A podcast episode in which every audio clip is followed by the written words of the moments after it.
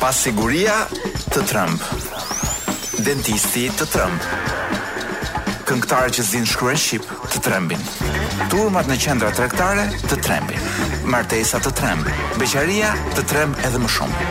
Tabela kujdes shofer i ri të tremb. Çmimet e shtëpive të trembin, kredia të tremb. Po ky është një emision që nuk ju tremb. Sot nuk është e hënë. Sot uh, duket vërtet sikur është e diel sepse nuk e di a e keni vënë re, me siguri e keni vënë re që nga ngritja e çmimeve shumë njerëz kanë vendosur të vrasin veten në mënyrë sociale. Domethënë kanë vendosur të mos jenë më njerëz. Kanë vendosur të mos përdorin më makinat, mos dalin rrugëve, e ku di unë se çfarë. Pra po jetojmë një botë më të mirë meqenëse jemi më të varfër ndoshta. Unë nuk e di nëse ju bën ë uh, nëse ka kuptim për ju kjo lloj logjike. ë uh, por prap me sa duket uh, akoma s'e kemi prekur fundin. Dhe ngjarja më fundi është ngjarja që çmimet rriten dhe pakkush e vret mendjen që në kontroll të këtyre çmimeve janë ata që duhet të ishin në fakt njerëzit që duhet të ishin përgjegjës. Pra kompanitë vetë kontrollojnë dhe çmimin, Dhe nuk e di nëse ka një botë, një kapitalizëm më të egër se ky. ë uh, Do nuk e di ç'do na tregojnë tjetër më shumë se sa kaq. Ë uh, gjithsesi, duke qenë se sot është një si biçim e diele kështu si e vonuar, kështu ngjan të paktën edhe në rrugët e Tiranës.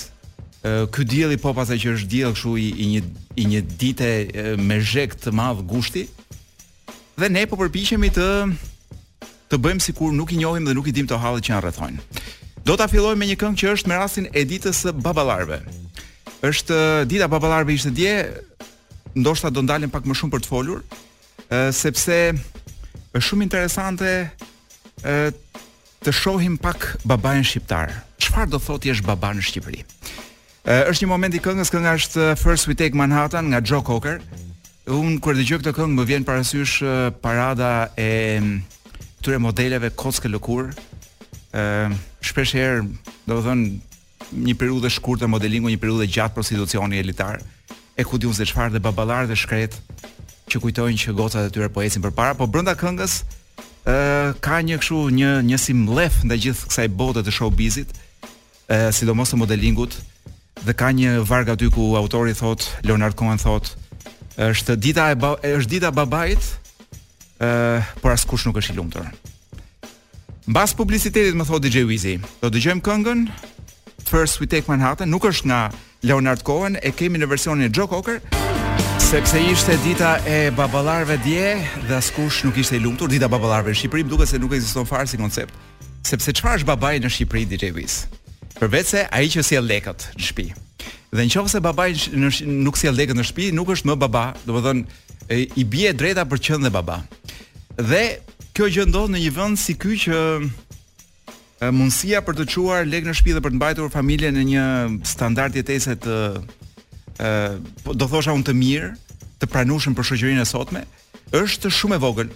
Pra i bie që baballarë vërtet në Shqipëri të jenë vetëm një grusht njerëzish, gjithë pjesa tjetër janë baballarë potencialë që mund të pra janë riprodhuar por nuk kanë nuk arrijnë dot të luajnë rolin e babait siç e kërkon shoqëria shqiptare. Unë vetë fa kam menduar gjithmonë që baba do thotë ose roli i babait është të të mësojë të ecësh drejt. Por po të shohësh që një nga librat më të shitur në këtë vend është Babai i pasur dhe Babai i varfër, Atëherë të kap vërtet një shqetësim për të kuptuar çfarë roli duhet të ketë babai në këtë lloj shoqërie.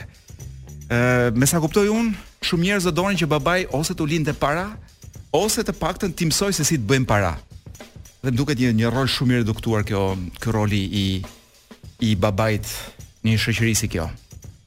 Babai është i pari që ha dru në fakt. Domthon kur vjen puna për të dhunuar dhe për të shtypur, ë në vendet e punës ai që dhunohet dhe që shtypet është gjithmonë babai. Është gjithmonë një burrë tjetër në këtë vend që mund ta rrah, mund ta godasë, mund ta poshtërojë, mund ta pushojë nga puna. ë mund t'i bëjë çfarëdo lloj gjëje babait tënd sepse thjesht sepse ka çik akses më shumë në pushtet. Dhe s'i ndien gjithë ata qindra dhe ndoshta mijëra baballarë të cilët Nuk janë dot uh, baballarë që t'i mësojnë kalamajve që të ecin me kokën lart. Kështu që është një shoqëri që unë mendoj pavarësisht se burrat kanë shumë kanë shumë probleme në këtë vend dhe një pjesë e madhe problemeve vjen prej tyre, po unë mendoj që qenia realisht më e vujtur në këtë vend është është babai dhe nuk po flas për babain e këtyre, domethënë, këtyre po themi ë uh, vipave që nuk e di nëse mund të quhen vipa, po gjithë këtyre njerëzve që na na kanë mbushur Instagramet uh, apo na shpërfaqen si si elita e re, pinjollët e re, elita e re shqiptare, thjesht sepse janë fëmijët e prindërve të pasur.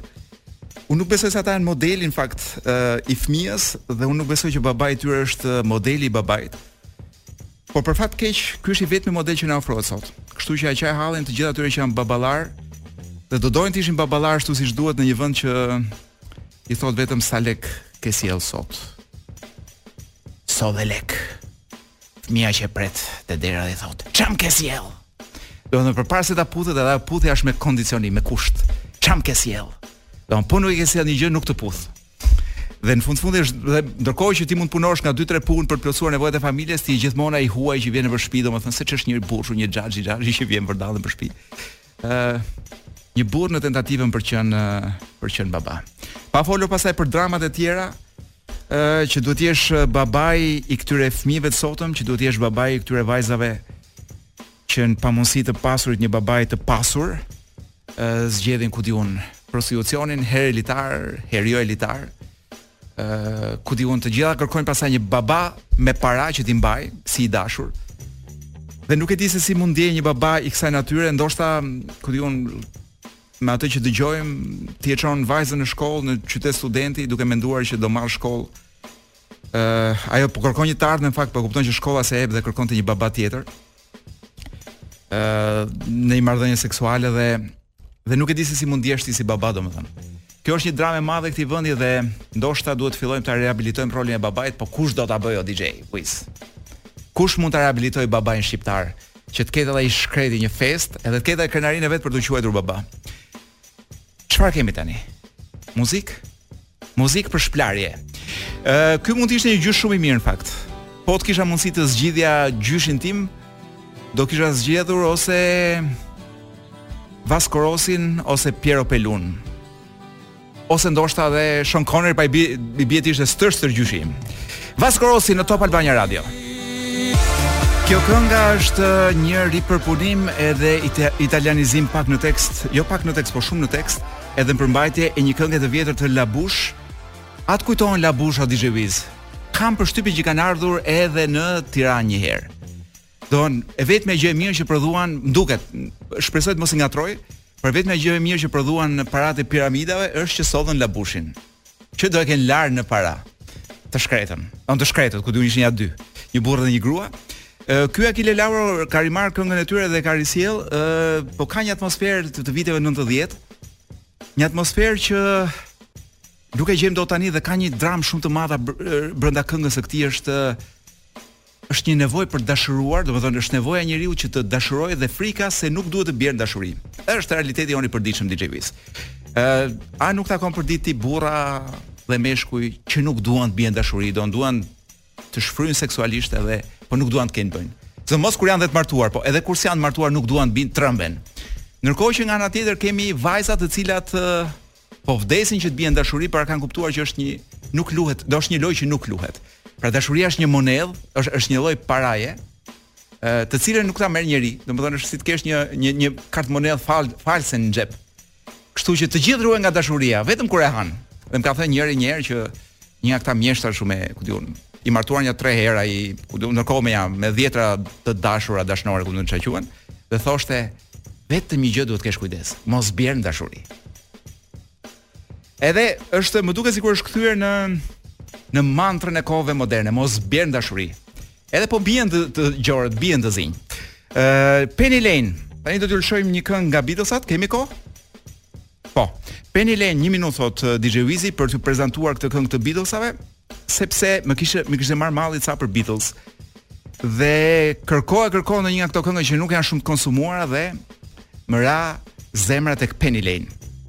Është eh, gjëja dhimbja më e madhe për mua si një njeri që i do shumë Beatlesat është që ata nuk e futën këtë këngën, e nxorën njëherë si single dhe nuk e futën tek albumi Sir, uh, eh, Sgt. Peppers, Sepse po të ishte edhe kjo aty brenda, ai do ishte pastaj.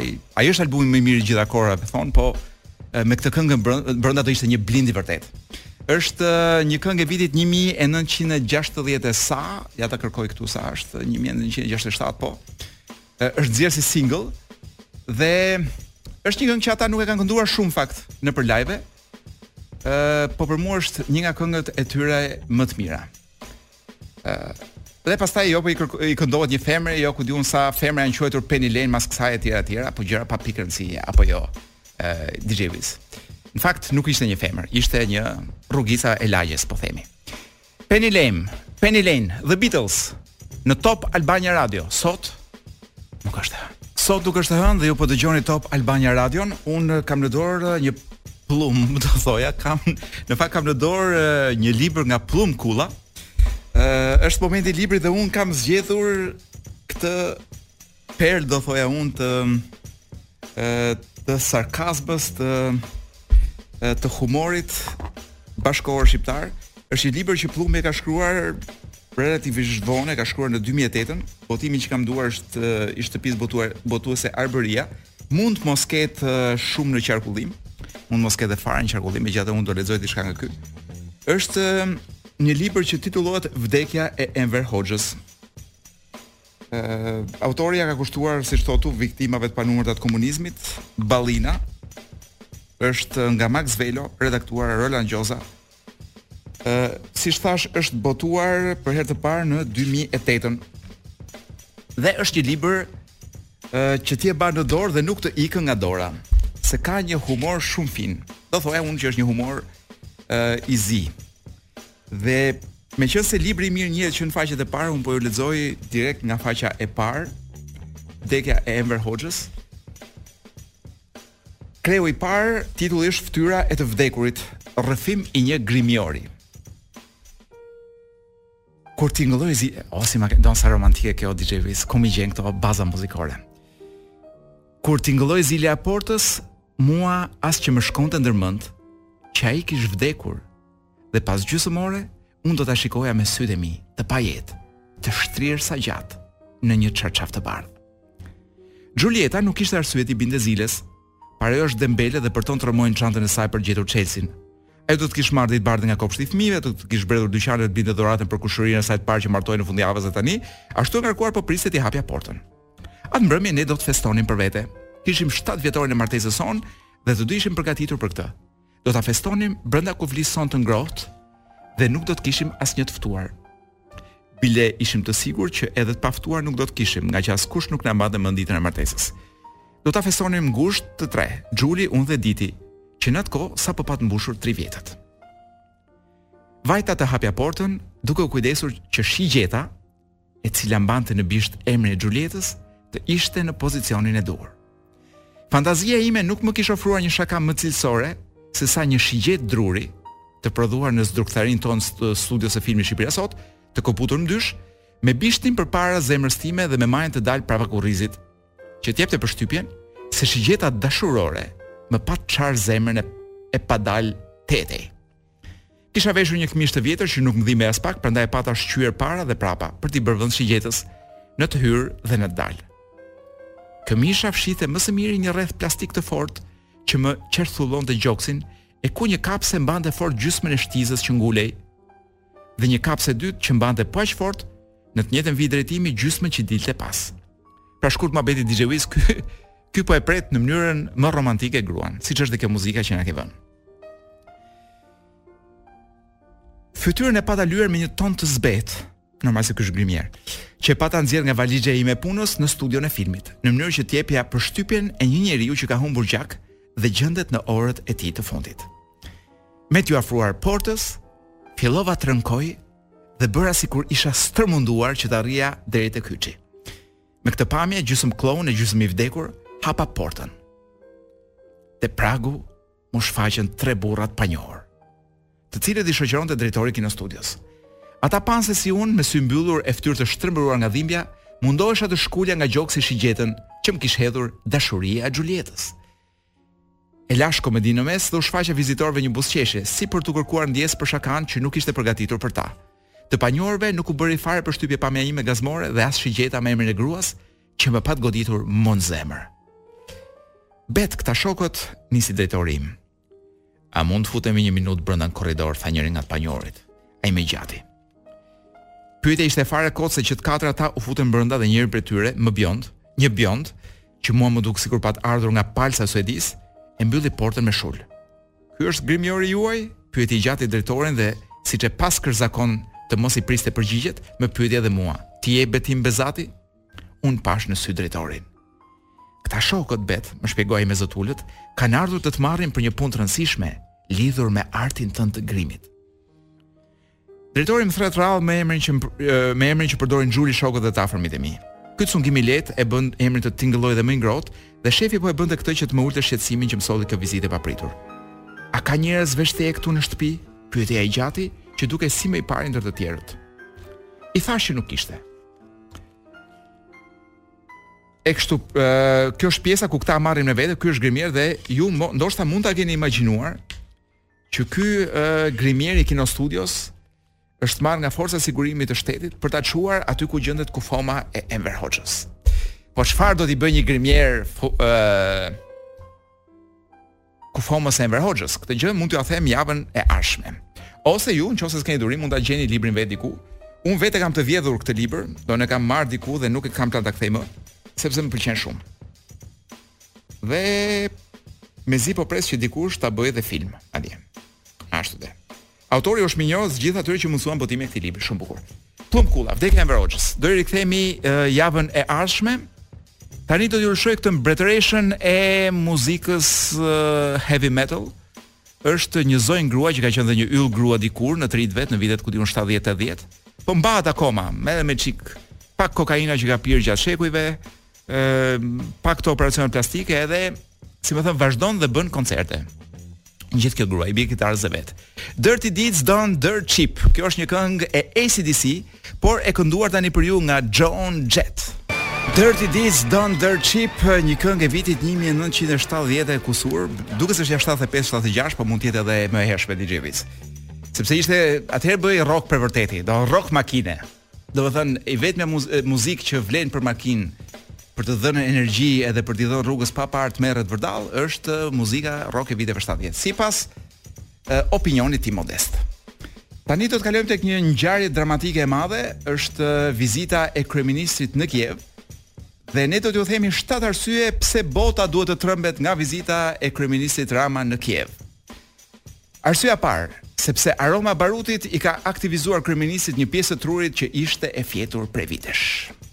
Arsyeja e dytë, në çdo takim diplomatik në të ardhmen do të thotë e kam porosi nga Zelenski. Pastaj, që sot e tutje i shton vetes edhe një titull tjetër, general part-time i luftës në Ukrainë. Arsyeja e katërt është që Zelenski vetëm i dha dorën dhe nuk njihen pasojat e të këtillave veprime në egon e kryeministrit. Do gjithçka që sot e tutje do të jetë e panjohur e madhe.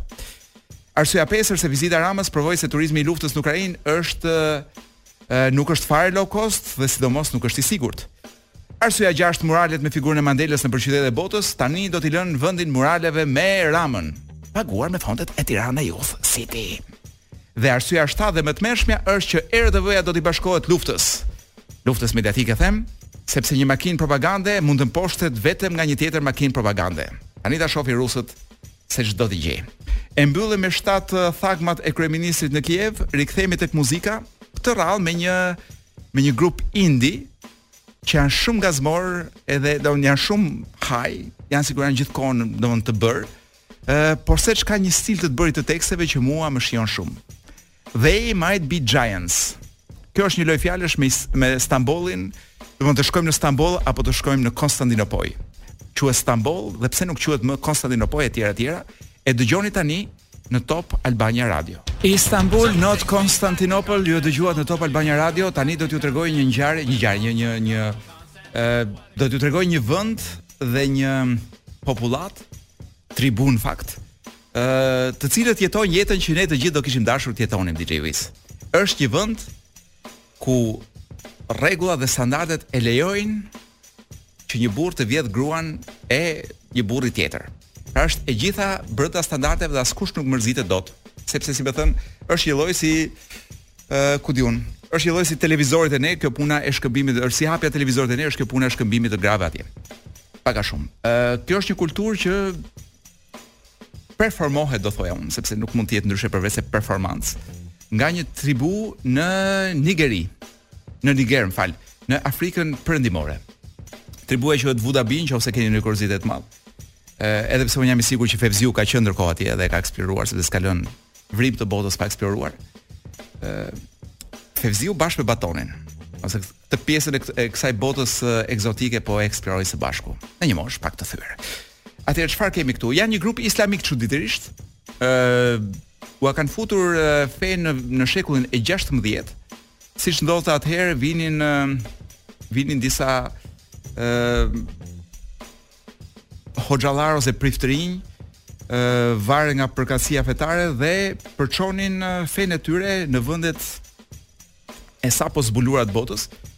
Kështu që të parët këtu mbërritën muhamedanët edhe ua mësuan fenë, por nuk arritën dot që t'u heqin këto zakonet që kanë që është nga cilat më interesanti është ky festivali, një festival që ka edhe një emër që s'po ja them se s'ka rëndësi.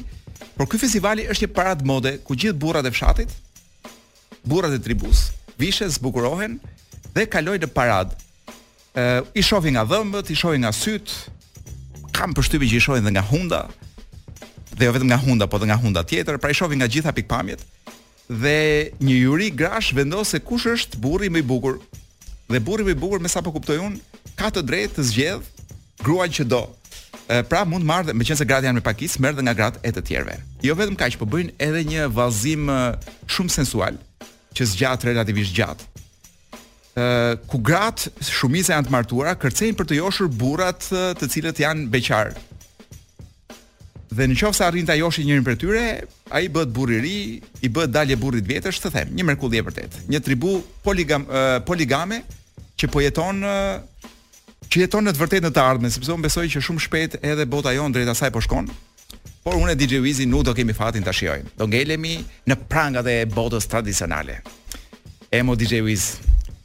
Si s'na mori ai Fevziu me Batonin dhe ne të dyve, shkonim t'i eksploronim bashkë këto tributë e Afrikës. Ndoshta do kishim për të thënë ndonjë gjë më shumë. Mund ta kishin lënë dhe ndonjë shenjë në trup. Kuba Libre. E kemi gati? E kemi gati. Një nga albumet më të mira të Zukeros. sesionet kubane është çuditërisht një album shumë i mirë i tij. ë seç ka kështu një gjë, një shpirt realisht latin, po kështu me me një prekje kështu si europiane. Edhe një nga këngët që është edhe më komerciale, po mua ç't'i bësh, më pëlqen Kuba Libre e jua lëshojmë tani. Ju rikujtoj që po e dëgjoni në sot nuk është e hënë në Top Albania Radio. Ky ishte Marilyn Manson, gjithmonë një kënaqësi, domethënë është uh, sikur merr drogë, po pa marr aktualisht drogë. Domethënë kur dëgjon Marilyn Manson. Uh, do t'ju flas pak për një një ngjarje që na pret të gjithëve, shpresoj, që është kapërcimi nga mosha e mesme në moshën e vërtetë të mesme, ajo e mëtutjeshmja, kur thonë kosovarët. Dhe këtë do ta them duke u bazuar në një artikull të gjatë dhe shumë simpatik nga Tim Dowling për The Guardian, nëse e keni lexuar. Ë, ky sapo mbush 60 vjeç dhe ka filluar të reflektojë se ç'do të thotë, çfarë ndodh mas të 60-tave për njeriun. Gjëja e mirë e kohëve, e viteve të fundit, e 10 vjeçarëve të fundit është që mosha e mesme është shtrirë. Ë, madje unë kam lexuar disa vende që konsiderojnë moshë të mesme deri në 65 vjeç tashmë. Nuk e di nëse do ta marrim shumë seriozisht, po unë kam dëshirën që t'i marr seriozisht këto shtyrjet moshore. Dhe ky zotëria ka bërë, meqenëse është në pragun e kësaj moshe, kalimit nga mosha mesme në moshën e e, e mëtutjeshme, ka bërë një analizë të gjithë gjërave që nënkupton plakja, po i them. Dhe ka bërë me një lloj sensi humori. Dhe ka bërë mirë që i ka shkruar sepse vjen një moshë ku njeriu dhe i harron gjërat, kështu që i ka rreshtuar të gjitha gjërat që ka kuptuar e, një nga një, un do t'ju lexoj në për të ca gjëra, pra do t'ju them disa nga gjërat e këtij, disa nga vëzhgimet e tij të e, që i ka bërë me një lloj finese e, tipike britanike. E, mund ta quani njeriu kur shkon një moshë të caktuar thotë mendon që është jo vetëm është rritur, por ka një peshë të madhe në kurriz dhe është pesha e viteve. Disa e quajnë eksperiencë, por nuk besoj thotë që duke parë dhe shumë njerëz vetëm fakti që kanë vite në kurriz, nuk besoj që do thotë eksperiencë as në zgjuarsi dhe as në ë uh, arritje njerëzore. Ë uh, nga ana tjetër gjëja që ndodh thotë është kjo humbja e memorjes, Po që nuk është humbje memorie, është thjesht truri vendos që ca gjëra është më mirë të mos i mbash mend. Pra është pjekuria e trurit thotë. Dhe në fakt kur je 20 vjeç, unë mendoj që ti mban mend gjithë ato gjëra sepse ke shumë pak gjëra, domethënë. Sa gjëra mund të të kenë ndodhur DJ Wiz 20 vjeç? Qameti një e dashur, po të kesh pasur tre, domethënë je një lloj përjashtimi, kur them të dashur me gjithë kuptimet, a. ça të ka ndodhur tjetër. Ja ca parti, mban mend gjithë të pirat, gjithë kur je bër dru, kur je bër thumb. Mban mend dhe gjithë vendet ku ke vjell, don volla këtu, volla atje, domethënë më bëri keq kjo, më bëri keq ajo. Po kur shkon 60, njeriu harron, nuk harron të pira të caktuara, po njeriu harron edhe ku di unë, pushime të tëra për shembull harron që nga për nga viti 50 deri në 55 nuk i mban mend fare ku i ke bër pushimet. Ka dhe një gjë, një fenomen që unë kam vënë ë që ndodh tek njerëzit që po thyen atë kufirin e 60 vjetëve, që gjithë veprimet që bëjnë i bëjnë me një oh, me një ah, me një buf, me një baf. Ka gjithmonë një kështu, sikur çlirojnë pak gazra, po i lëshojnë i çlirojnë nga sipër. Dhe është diçka tjetër që është që unë tani po kuptoj duke lexuar këtë artikullin që kur ti sheh njerëz që janë plakur, po i ti ke parë që prej shumë vitesh, pra ti i sheh duke u plakur, ë kur i, i vren ata, sheh aty brenda një përzierje të të këtij njeriu që është i moshuar tani, por ti sheh aty dallon edhe elemente të rinisë së këtij njeriu. Ama kur njeh një plak, ai është thjesht plak për ty. Do është ka një ndryshim shumë të madh. Mund të jenë të dy të dy 60 vjeç, ë por ky i pari që ti e ke njohur prej kohësh, ruan diçka prej rinisë në sytë e tu. Dhe është një gjë që nuk të ndodh me njerëzit që sapo i ke takuar dhe janë të moshuar. Nuk besojnë thot njerëzit që mund të jesh dhe i vjetër dhe i lumtur, Statistika tregon që njeriu është vërtet i lumtur mbas gjashtëdhjetave. Kjo mosha 40 deri në 60 është një përpëlitje e vazhdueshme, një përpëlitje që është e të gjitha formave. Vazhdon akoma stresi për shembull, tensioni seksual, dëshira për të për të pasur konkuista seksuale.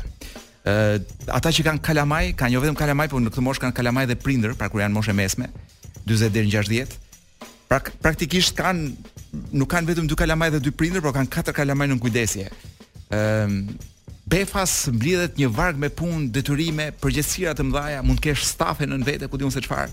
Të gjitha strese komplet të panevojshme dhe mas të 60-tave ti kupton që asgjë nga këto nuk ka pikë rëndësie. Edhe fillon njeriu dhe domethënë dhe po ta vësh re DJ Wiz ata që bëjnë qef, janë ata që janë mbi të 60-tat. Pra kush çfarë moshe kanë turistët që bredhin sot nëpër Tiranë? Kryesisht janë të vjetër, domethënë kanë kohë të bredhin dhe harxhojnë parat për të bredhur. Ë kush bën më shumë seks në Tiranë DJ Wiz, se është e vetmja fushë domethënë ku ke njohuri të thella. Kryesisht moshat mbi, ha? Do thuash ti jo. Moshat mbi 60 vjeç, DJ Wiz. Pse do thuash ti?